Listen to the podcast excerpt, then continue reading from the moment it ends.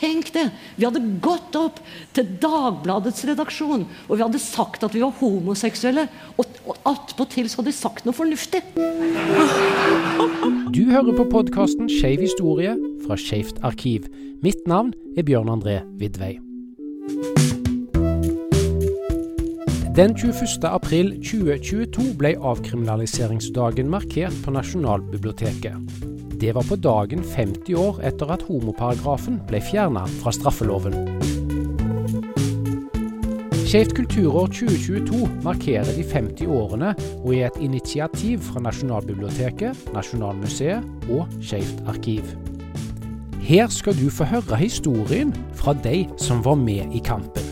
Opptaket er gjort av Nasjonalbiblioteket, og er gjort dagen etter regjeringen kom med sin offisielle unnskyldning til skeive i Norge. Takk for det. Eh, vi har fått med oss en helt eh, fantastisk fin gjeng som vi skal ha en prat med nå. Nå tar vi først imot Vigdis Bunkholt. Gerd Brantenberg. Trond Inndal. Og sist, men ikke minst, kultur- og likestillingsminister Anette Trettebergstuen. Vær så god. Jeg har lyst til å snakke litt mer med deg, Vigdis. Eh, du har jo eh, en veldig lang historie i denne kampen og i denne bevegelsen. Hvis jeg tar deg tilbake til 1955 mm. Da så du en annonse mm. i en avis. Mm. Hva sto det der? Mm. Det sto ikke noe annet enn 'Møte i Det norske forbundet' av 1948. Og hadde jeg, jeg, hadde jo hørt om det. Men jeg, jeg var nettopp ferdig med aksjer videregående for, for dere. Uh, hadde vært i utlandet i et år og skulle begynne å studere. Og tenkte at nå får det være nok med å være alene. Nå um, er jeg nødt til å treffe noen som jeg kan snakke ordentlig med, og som jeg kan finne noe mer ut av sammen med. Så um, jeg uh, skrev det var en postboks. Postboks 314, husker jeg riktig? Vika? 1305. 1305 ja. Vika. Ja. Skrev jeg til. Foreningen for by og bygd. Ja. ja. Og eh, fikk et hyggelig svar tilbake.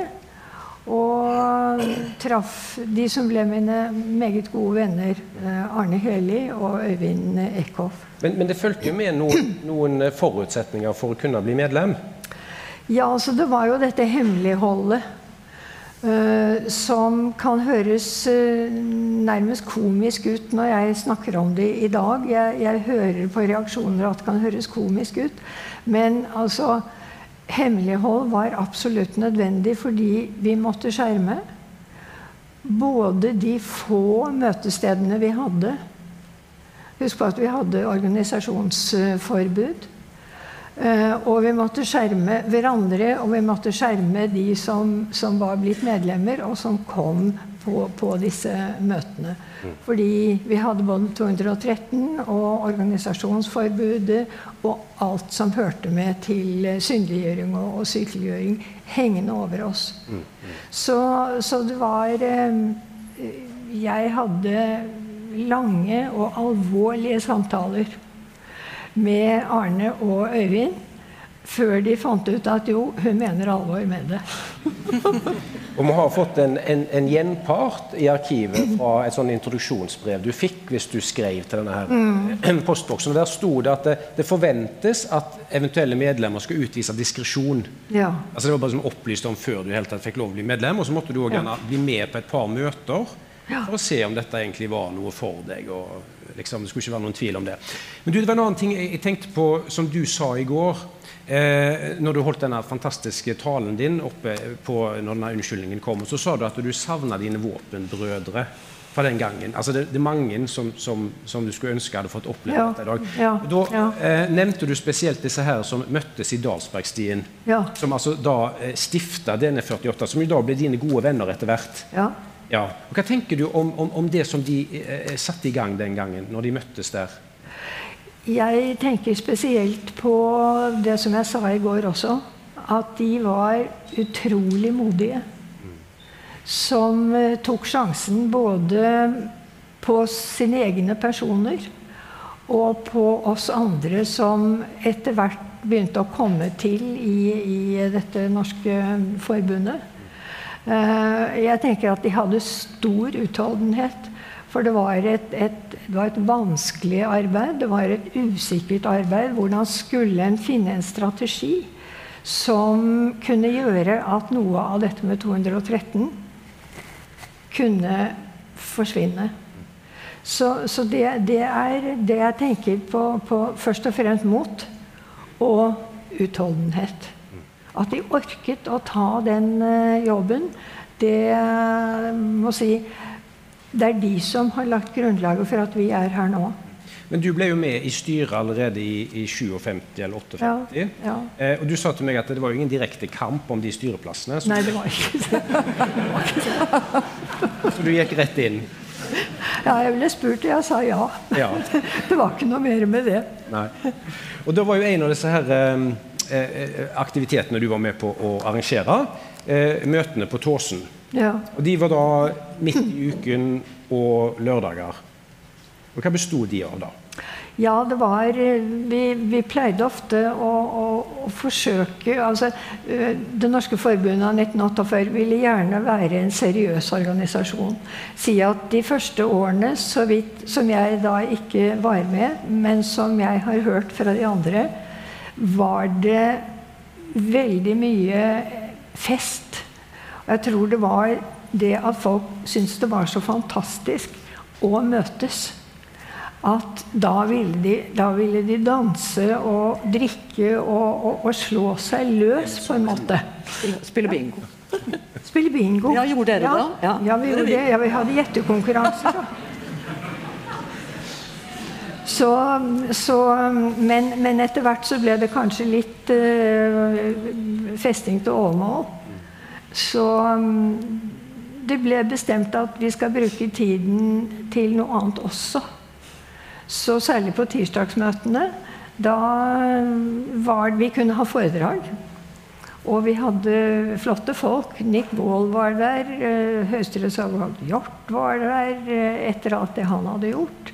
Eh, I det hele tatt Vi prøvde å ta opp ting som opptok oss. Ikke bare oss som homofile, men sånn generelt av interesse i, i samfunnet. Og så legger jeg merke til at Du bruker jo ordet oss homofile. For det var jo dere brukte om både homofile kvinner og menn. Ja, det var ja. en sånn gjengs uttrykk som, ja, som, som jo har forandra litt innhold over tiden. Men du, eh, eh, du, er jo psykolog.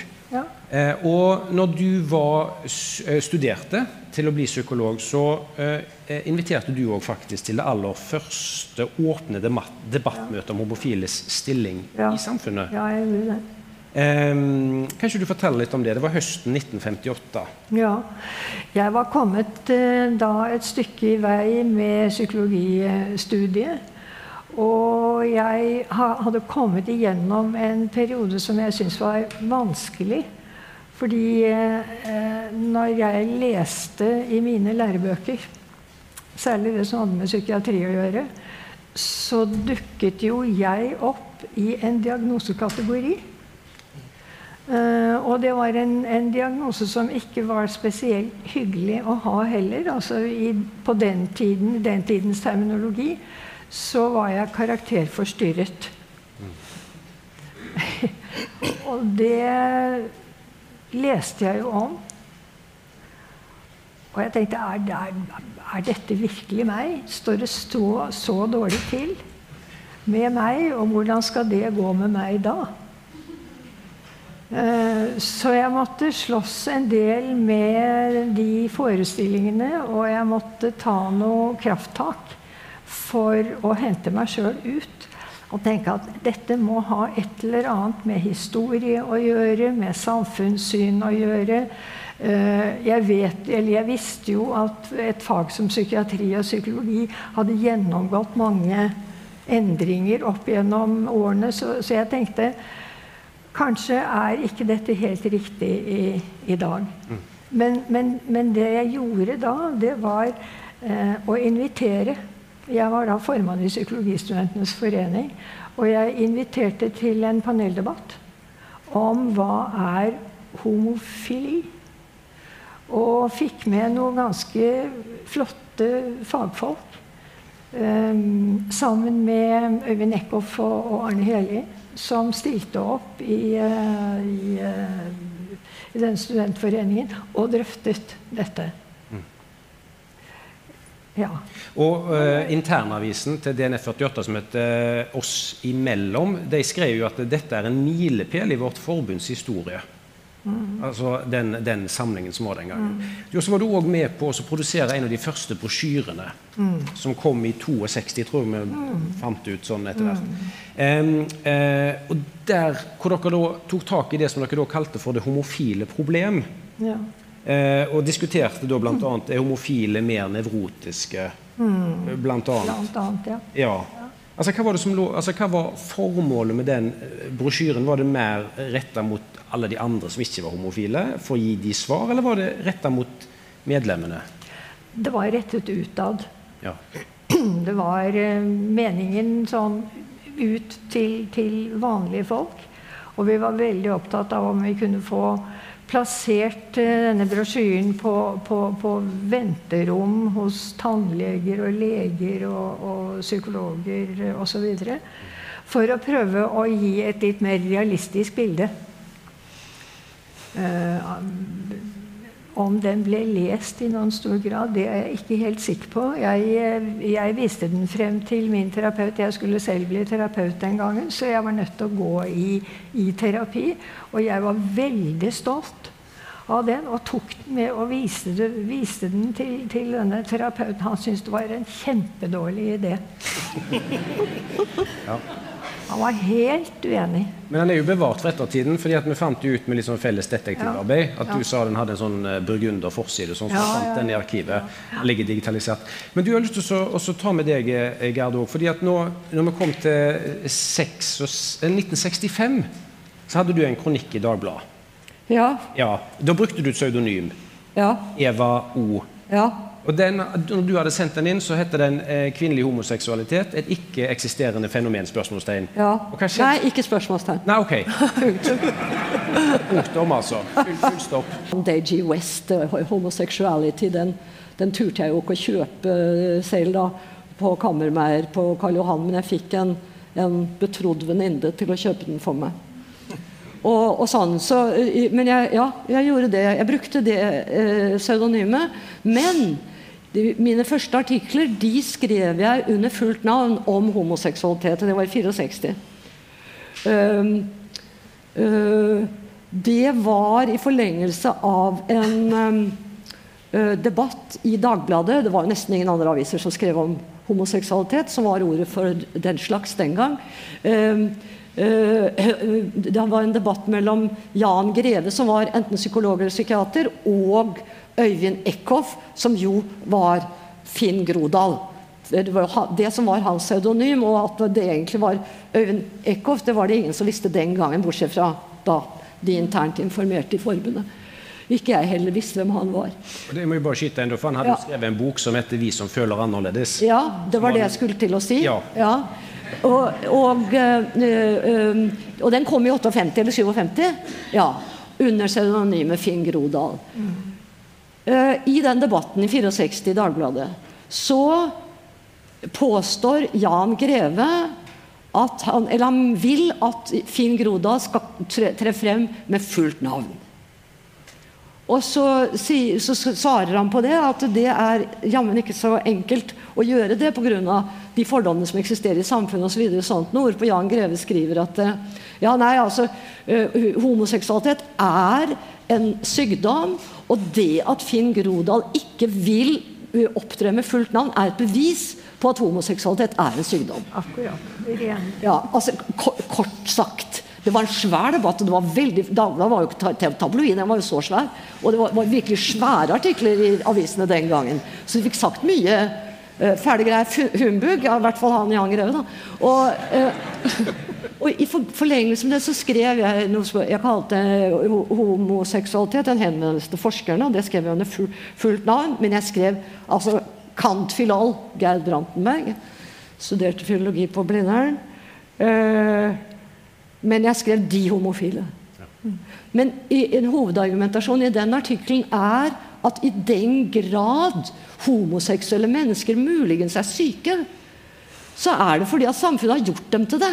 Fordi de blir slik behandlet som de er. Altså Det var en sånn, Jeg leste det igjen nå, eh, rett før jeg skulle hit. Eh, så jeg skrev to sånne artikler under fullt navn i 64, og så skrev jeg den, så skrev jeg to et par år senere, 65 da, 66. Og så kom du inn i, inn, i, inn i, forbundet på samme måten som, som, som Vigdis her? Etter en sånn annonse? Nei, Nei da, gjorde jeg ikke. For jeg så ikke noen annonse, jeg. For de, de ble invitert mellom eh, Six Bladsalg, altså den berømte tredje-siste siden i Dagbladet, hvor det var altså en reklame for Durex og alt mulig sånt noe. Der, eh, og Six Bladsalg og Weekend Sex og sånn, og der fikk vi lov til å annonsere. Bitte lite, men det var helt uforståelig hva som sto. hva slags Så jeg skrev til Finn Karli. For han hadde jo, han hadde jo skrevet en intervjubok, riktignok bare med, med pseudonym, altså anonyme eh, intervjuobjekter, homofile sådanne, og den hadde jeg lest i Homofile. het den, En intervjubok. Selv så var han ikke eh, eh, homofil, han var jo heterofil, men han hadde et annen form for avvik, for å si det på den måten. ikke sant? Han hadde jo multiple Han hadde, han hadde cerebral parese, var jo sterkt handikappet fysisk. Og han hadde en veldig stor forståelse for hvordan det var å være utenfor i samfunnet. Da, så var en veldig god bok. Så jeg skrev til han. Og, og, og spør hvor er dette her forbundet, eller hvor samles de egentlig, disse homofile som du har skrevet? Hvordan fikk du ta, tak i dem, liksom? Og så skrev han tilbake og sa da jo da, de holder til i postboks 1305 Vika. Nettopp fordi fordi at når han, skulle, ja. når han skulle, gjøre disse intervjuene Hva? Når han skulle gjøre disse intervjuene, ja. jeg, så har han en historie om at han liksom fikk bind for øynene. Ja. Og ble liksom leda fram til denne her eh, klubben der de samles. Han kunne liksom ikke se veien dit, så han kunne bare gi deg en postboks. Men du skrev til den, da? Så skrev jeg til postboksen. Kjære postboks, jeg tror at jeg kanskje har bruk for dere. Og, eh, og så, ja, så fikk jeg svar anonymt fra styret om at jeg kunne møte utenfor Møllhausen på, Karl Johan med et dagblad under armen klokken halv tre fredag den sånn og sånn dato. Der skulle jeg stå, og så skulle det komme noen. og øh, jeg hadde da en venninne som øh, på studentbyen på Sogn. Vi hadde vært sammen et år, og vi var de eneste lesbiske i hele verden. Og vi og vi snek oss inn og, altså Hun bodde i oppgang uh, 11, og jeg bodde i oppgang 13 på, i blokken på studentbyen på Sogn, den såkalte slummen. Og vi overnattet sammen hver eneste natt i et helt år. Vi kunne ikke være fra hverandre, for vi hadde endelig funnet en annen kvinne som ville ha en, en kvinne. Så vi spiste frokost sammen osv. Så sånn, for at dette ikke skulle bli oppdaget av av våre medstudenter var bare jenteleiligheter og gutteleiligheter. Så vi bodde begge i jenteleilighet. Eh, så overnattet vi, og, så når vi våknet så den, den, som da ikke bodde hjemme hos seg selv, hoppet ut av vinduet. Vi bodde heldigvis i første etasje, da, begge to. Gikk rundt blokka og ringte på hos den andre. Og så skal vi spise frokost sammen. Så vi prøvde å lure dem hele tiden. Og, og, og, og snek oss, og det sneket sånn også, men et år da. Men så ble, ble, ble vi enige om å, å, gå fra hverandre. Og da ble vi jo enda mye mer ensomme enn vi noen gang hadde vært. Så da hadde uh, Inger Marie het hun. Hun hadde da også skrevet til postboks 1305 i Vika. Jeg visste ikke noe om at hun hadde gjort det. Hun hadde også fått tak i den adressen på en mystisk måte. Så da, da Eh, så snakket vi med For vi var jo venner fortsatt, sånn som lesbiske veldig ofte er. Altså, selv om de slutter å være kjærester, så fortsetter de å være venner resten av livet. Det er det vanlige bildet, i motsetning til heteroseksuelle. Ja, jeg har fått beskjed om møte med Dagbladet armen på Møllausen klokken, klokken halv tre på fredag, jeg, sier hun. Å, har du òg det? Ja. Jeg syns det var veldig frekt at de trodde det at de uten videre gikk ut fra det at vi kjente hverandre, men det gjorde vi altså. Og så, uh, så der, der sto vi med hvert vårt dagblad under armen. Og så kom det da og stirret ut i lufta og prøvde å, å se ut som om vi ikke var homofile. Og så kom det en kontordame, utseende dame på skrå. Sant? Hun så altså så til de grader ut som alle mulige andre mennesker. Du store av verden. Ja, det var litt av et sjokk. Jo da. Og det var, det var Else Askeland, het hun. Og, og, ja, hun så altså ut som en kontordame, og det var hun òg. Ja. Og, og, vi gikk inn på Møllhausen. Og, så, og vi bestilte det, da, wienerbrød og så videre, sånn og pratet. Og så kom det en dame til. Hun så jammen ut som en eh, kontordame, hun òg. Og det var Kim. Ja. ja. Og hun hadde med seg en blomsterbukett som hun ga Else. Hm. Ja, Inger Marie sa etterpå det at hun trodde det at de var sikkert kjærester. I og med, Å nei, jeg trodde absolutt ikke det så helt normal ut. Nei da. Men eh, i hvert fall så spurte jeg da Kim hvorfor i all verden skal det ta så lang tid? Og altså, og ja, men Vi måtte kjenne noen i forbundet for å, for å da bli anbefalt. Ja, men Det var jo fordi vi ikke kjente noen i forbundet at vi gjerne ville bli medlemmer. Så, så, så Nei da, men dermed så måtte vi møte dem, slik at de fikk et inntrykk av oss. Ja. Og så fikk de da det inntrykket, og Og så øh, ja, men, ja, og så øh, Så de Så kunne de komme på et møte om tre uker. Ja. Og vi var jo kjempeutålmodige. Hvor skulle det ta tre uker? Jo, sa Kim, det var fordi at de måtte undersøke strafferegisteret. Fordi at hvis vi ikke hadde rent rulleblad, så, så kunne vi ikke bli medlem. Så det tok litt tid, da. Og, så, og, og når disse tre ukene var gått, da skulle vi gå til Østbanen. Og der skulle vi ta det og det toget og eh, Østfoldbanen og gå av på, på Bekkelaget stasjon. Og dette var, da var det rukket å bli november eller sånt noe. Det var tåke, og ut av den der tåka så dukket da denne Else opp på perrongen og førte oss gjennom et uh, mystisk landskap med mange båter og greier. Og nærmere og nærmere fjorden kom vi. Og det var Ormsund roklubb. Og um, uh, så, vi, så, vi, visste altså overhodet ikke hvor vi skulle. Hun sto der på perrongen, og så førte hun oss til den roklubben. Og så ring, ringte hun på, eller banket på. Så ble døren åpnet med så liten gløtt, og der var liksom en nese. og Der sto, sto, det et menneske med slips og fin silkeskjorte og herredress osv. Så videre, sånt noe. Ja, her har, vi, har, jeg to nye damer til deg. Gerd, sa Else. Hun het altså tilfeldigvis Gerd. Og så fullstendig ut som en gentleman.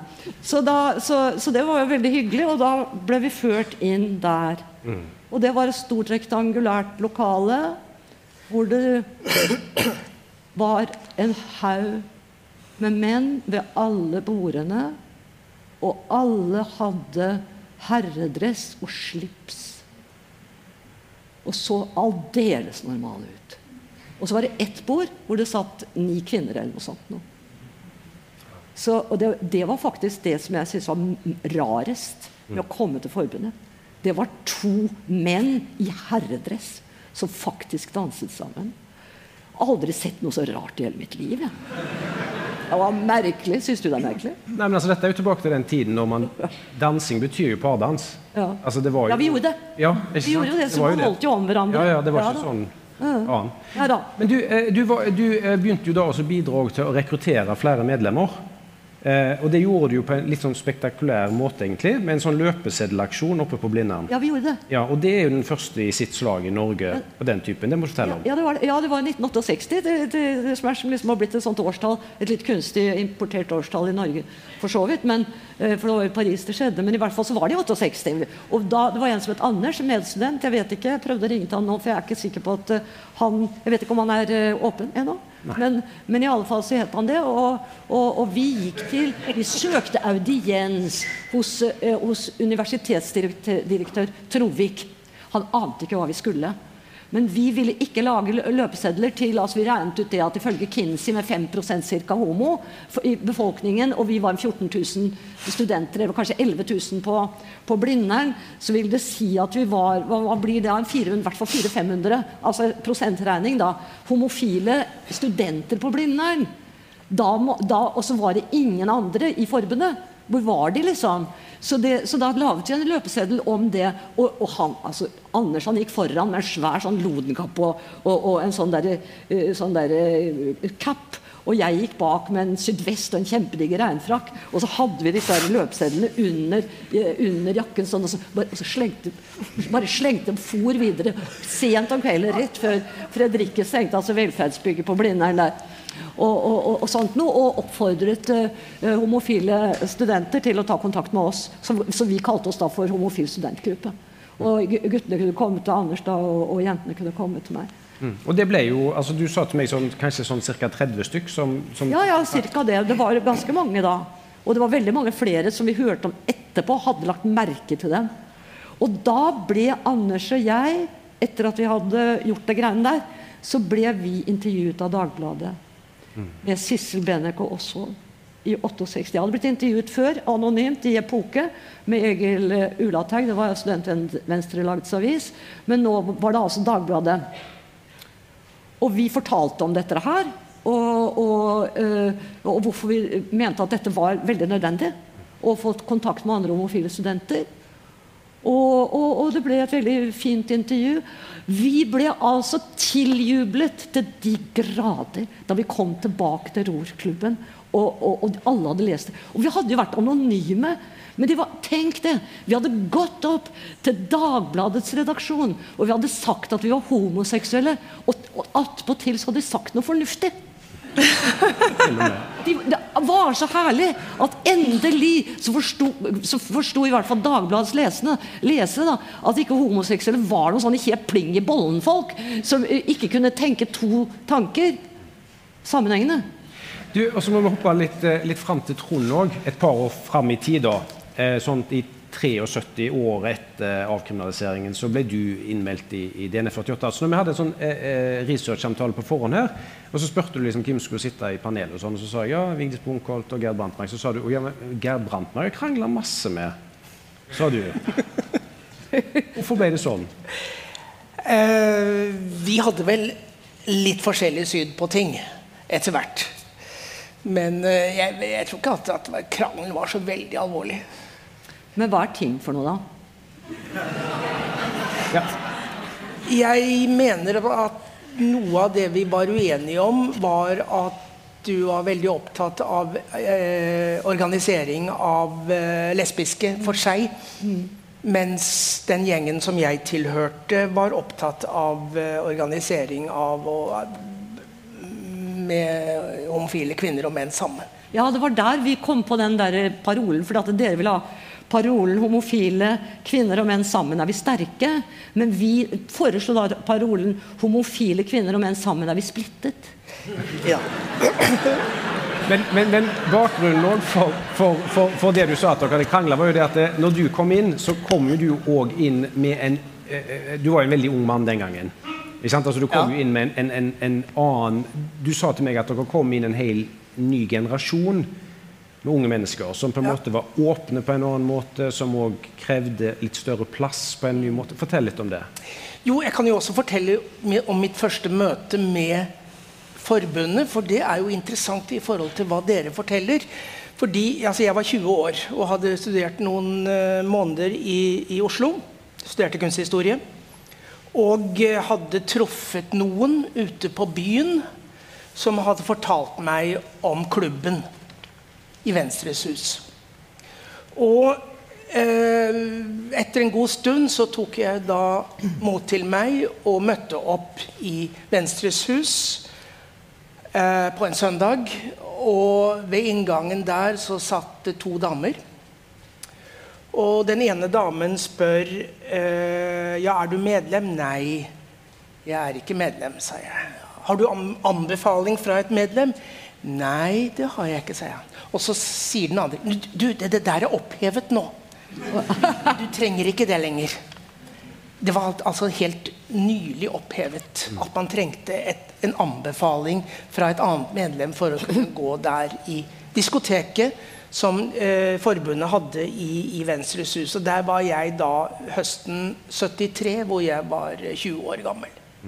Og så eh, møtte jeg folk der, og fant folk som jeg kunne diskutere med. og etter hvert så begynte jeg å gå i, i uh, møter også i forbundet. Eh, altså andre møter enn en disko. Og jeg ble vel medlem eh, tidlig i 1974, tror jeg.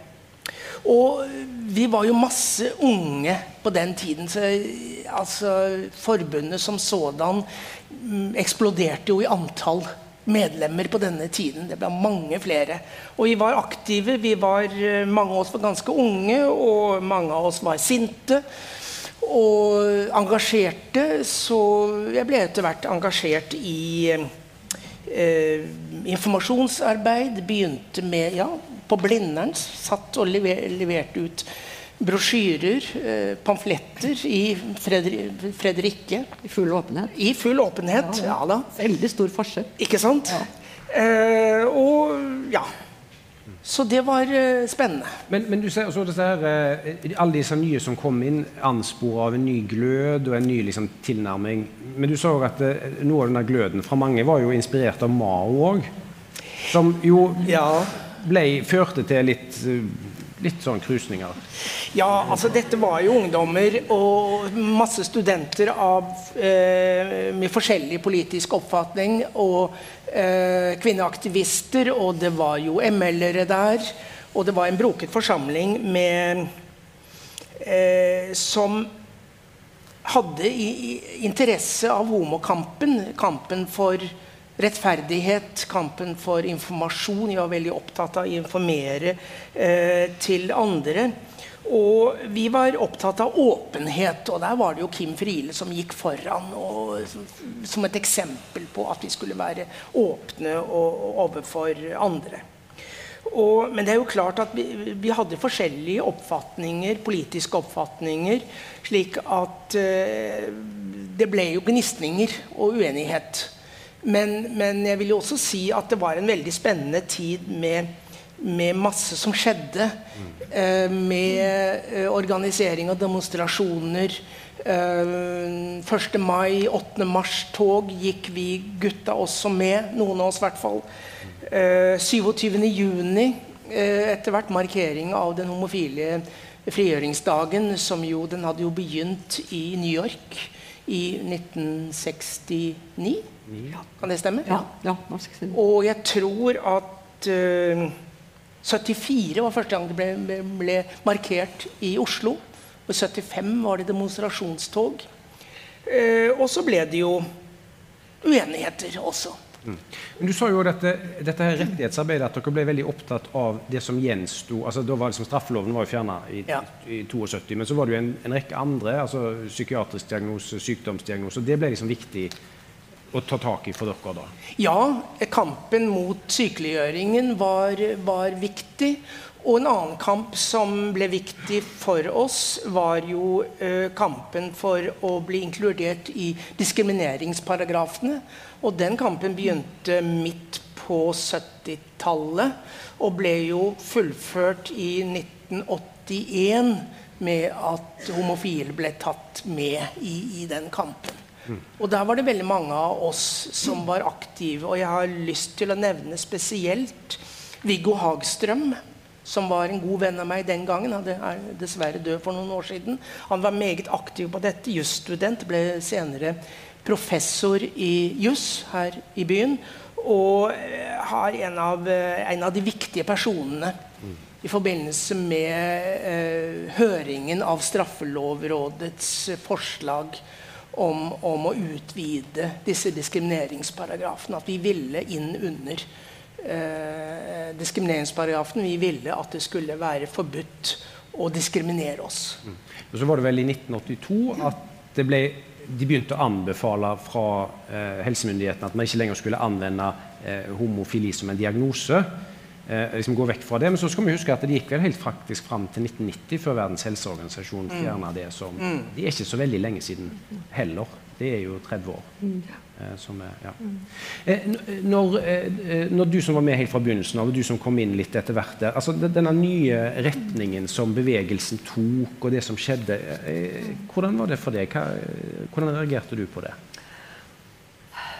Jeg var til dels utmeldt. Jeg, var, jeg var ferdig psykolog. Jeg flyttet fra Oslo, var opptatt av min egen karriere og var veldig på siden i en ganske lang periode. Men um, det jeg har tenkt etterpå, og når jeg hører om disse konfliktene, og dem har jeg jo lest om, så tenker jeg at det, det, det var, jeg oppfatter det som et sunnhetstegn. Uh, at denne bevegelsen var del av ting som foregikk ute i samfunnet. Hun kunne jo ha tenkt seg at en, en såpass hemmelig organisasjon som, som, det, at det liksom ville ligge som en sånn enklave på siden, hvor ting bare liksom gjentok seg selv fra årtid til årtier. Isteden så er det en, en, en, del av samfunnet generelt. Og, og, så blir det splittelse, så blir det uenighet, ubehageligheter. Men så er det mulig å finne en form. Ja. Og den syns jeg er funnet. Jeg syns FRI er en god organisasjon som har funnet en veldig god, uh, veldig god uh, form. Så det er sånn som jeg har tenkt på, på hva var det som skjedde med forbundet vårt? Men, altså, jeg tenker det at det er veldig naturlig at et, en, for, en, en forening som har som grunnlag at man skal være homo for å være medlem nødvendigvis må bestå av utrolig mange forskjellige mennesker. Og, øh, og det slo meg allerede helt i begynnelsen. også til store all verden. Her er for, første, for, for, det første så er jo alle mulige samfunnsklasser eh, representert. På Blindern var det jo ikke det. Som var min, ellers min omgangskrets. Og, og, og så var det veldig Det store flertallet var jo apolitiske. Og mange av dem ganske konservative, for det er omtrent det samme. ikke sant? Altså, og, eh, og eh, jeg tenkte det at jeg tenkte det store min Dette her er en veldig berikelse i mitt liv. Fordi at jeg nå lærer folk mange, et mye større spektrum av menneskeheten å kjenne enn det jeg gjør eh, normalt ellers det, eh, der jeg beveger meg. Sånn at det var veldig lærerikt, og det har alltid syntes. Noen ganger så syns jeg til og med synd på heteroseksuelle at ikke de har tilgang på akkurat det fellesskapet så jeg fleipet litt her i stad og sa med homofile menn, kvinner og menn sammen er vi splittet. For det var vi selvfølgelig også. Særlig enkelte som absolutt ikke ville at vi skulle ha egne kvinnekvelder. Men det var også veldig, og er veldig mange nære vennskaper mellom homofile kvinner og menn. Og det vet vi alle sammen. Og, og, og, eh, så hele det eh, tilgang Eller om du er i utlandet så har du liksom et hjem å gå til. Noen, du har noen adresser. Altså, det, det mange, vi har veldig mange fordeler. Du, Trond, eh, eh, eh, du, eh, Gerd nevnte jo eh, kirka her litt tidligere. Og du eh, hadde en historie der i forbindelse med, med Kim Friele, som òg har vært innom her. når hun døde rett før jul. Ja, ja, det var en rørende historie fordi jeg Sist høst så begynte jeg å gå i, i Sagene kirke fordi jeg er så glad i orgelmusikk. Og eh, der er det en eh, som heter Stein Erika Skøyeneie, som er transe, som er organist, og han spiller aldeles fantastisk. Så hver uh, tirsdag klokka ett så har han en fantastisk hen, en fantastisk orgelkonsert der. Og så kom jeg der som vanlig i Var det slutten av november? Og så Eh, før konserten begynner, så kommer eh, diakonen frem og sier eh, I dag har vi fått en trist nyhet. Kim Friele er død. Og så holder hun en hyllingstale til Kim Friele i kirken. Og jeg må innrømme jeg ble så rørt. Altså, Jeg meldte meg ut i protest i, av kirken i 1975. For det ville ikke være medlem av denne undertrykkende kirken lenger. Men jeg ble så rørt i forhold til hvorledes Kirken har opptrådt tidligere, at det ble holdt en hyllingstale til henne der i kirken dagen etter at hun var død. Flott. Mm. Veldig flott. Nå kan vi eh, forberede oss til hvis det er noen spørsmål fra salen. Eh, så kan man begynne å melde seg på til det. Og så vil jeg bare ta helt avslutningsvis til panelet. Altså Helt kort, hva tenker dere enkeltvis her? Hva er viktig framover? har lyst til å begynne med statsråden. Det er jo mange kamper som gjenstår. Og for, for, veldig mange så er det jo like skummelt og egentlig farlig å være åpen i dag som det var for, for dere eh, og deres medbrødre og søstre. Spesielt de som tilhører mindre religiøse og kulturelle miljøer. Det vet vi veldig mye om. Um, og så er det jo slik som vi har snakka om før i dag også, at uh, skeive jevnt over har dårligere levekår. Uh, mange opplever hatkriminalitet. Gutter blir slått ned på gata uh, fordi, de ikke, fordi, de vil kysse andre gutter, mens vi jenter blir slått ned fordi vi ikke vil gjøre det. Uh, og så har vi selvfølgelig hele internasjonale bildet, som vi aldri må, må glemme. Mm. Eh, Vigdis, hva tenker du? Hva er viktig framover? Jeg tenker vel det samme som, eh, som deg. Jeg, jeg, spekulerer på hvordan skal vi nå de eh, spesielt eh, minoritetsgruppene hvor enkeltmennesker sliter sånn som de gjør. Og jeg tenker meg sånn som vi tenker i en annen del av, av mitt fag Vi trenger noen kulturtolker. Vi trenger noen som kjenner miljøene så godt, og som allikevel har en sånn status at det er mulig å formidle noe, sånn at vi skjønner bedre, og de skjønner eh, bedre. Så jeg tenker først og fremst på minor våre minoritetsmiljøer. Eh, Der har vi en jobb å gjøre. Ja. ja, altså det å være forfatter, det innebærer ikke bare å skrive bøker. Det innebærer også å få en rekke brev. Min oppanjons homofile kom i 1973. Og jeg har skrevet eh, en oppveksttrilogi fra Fredrikstad som også innebærer tar opp um, den ensomheten som blir satt i som ganske ung homofil da, i den generasjonen jeg beskriver. Jeg har fått utrolig mange brev i løpet av alle disse årene. Og det er veldig ofte ja For det første takknemlighet over at de møter en tekst, da, altså at de kan lese en roman som de kan kjenne seg igjen i. Men også personlige historier om hvordan de har det i hjembygden eller, eller liten by osv. Så sånn, hvor de kanskje har hatt en kjærlighet til en venninne, og så har det gått i stykker, og nå er de mer ensomme enn noen gang, og hun har begynt å være sammen med gutter, og forskjellige sånne historier. Og, øh, og jeg kommer tilbake til utgangspunktet som Eva O. altså. At den ensomheten den er ikke opphevet. Og det, altså, jeg tenker liksom for bare en sånn ting som at Kim ble begravet på statens bekostning, har enorm betydning. For selvfølelsen til, uh, til, uh, til oss alle sammen. Altså At du kan liksom referere til at Jeg var der i den domkirken. Jeg ble til og med invitert. Det kan jeg si til, til hvem som helst, liksom. Sånn, og så nikker de og sier 'ja, var du det?' Og så synes de det var, det var interessant, og hvordan var det da? Ja, og de hadde sett det på TV. Altså, da, da, det er rett og slett et kvantesprang fra min eh, tilværelse som, som, Eva O. i sin tid og til i dag. Det, det har skjedd utrolig mye. Er, så jeg er helt enig i det du sier, Anette, med hensyn til at kampen ikke er slutt, og at man må fortsette. Og er, denne markeringen er en måte å gjøre det på. Helt kort til slutt fra deg, Trond. Hva tenker du er viktig videre?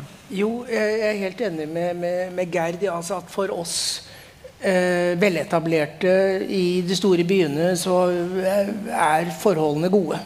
For veldig mange måter. Jeg har ett ønske, og det er at kan ikke noen av disse ordførerne i utkantsbygder og eh, eh, fraflyttingskommuner som klager over at, at, de har så få folk. De vil gjerne at folk skal flytte dit. De sier at 'Å, kan det ikke komme noen barnefamilier flytte ja. dit da? Hvorfor kan de ikke si Og så vil vi gjerne også ha noen homser og ja! lesber og transer i tillegg.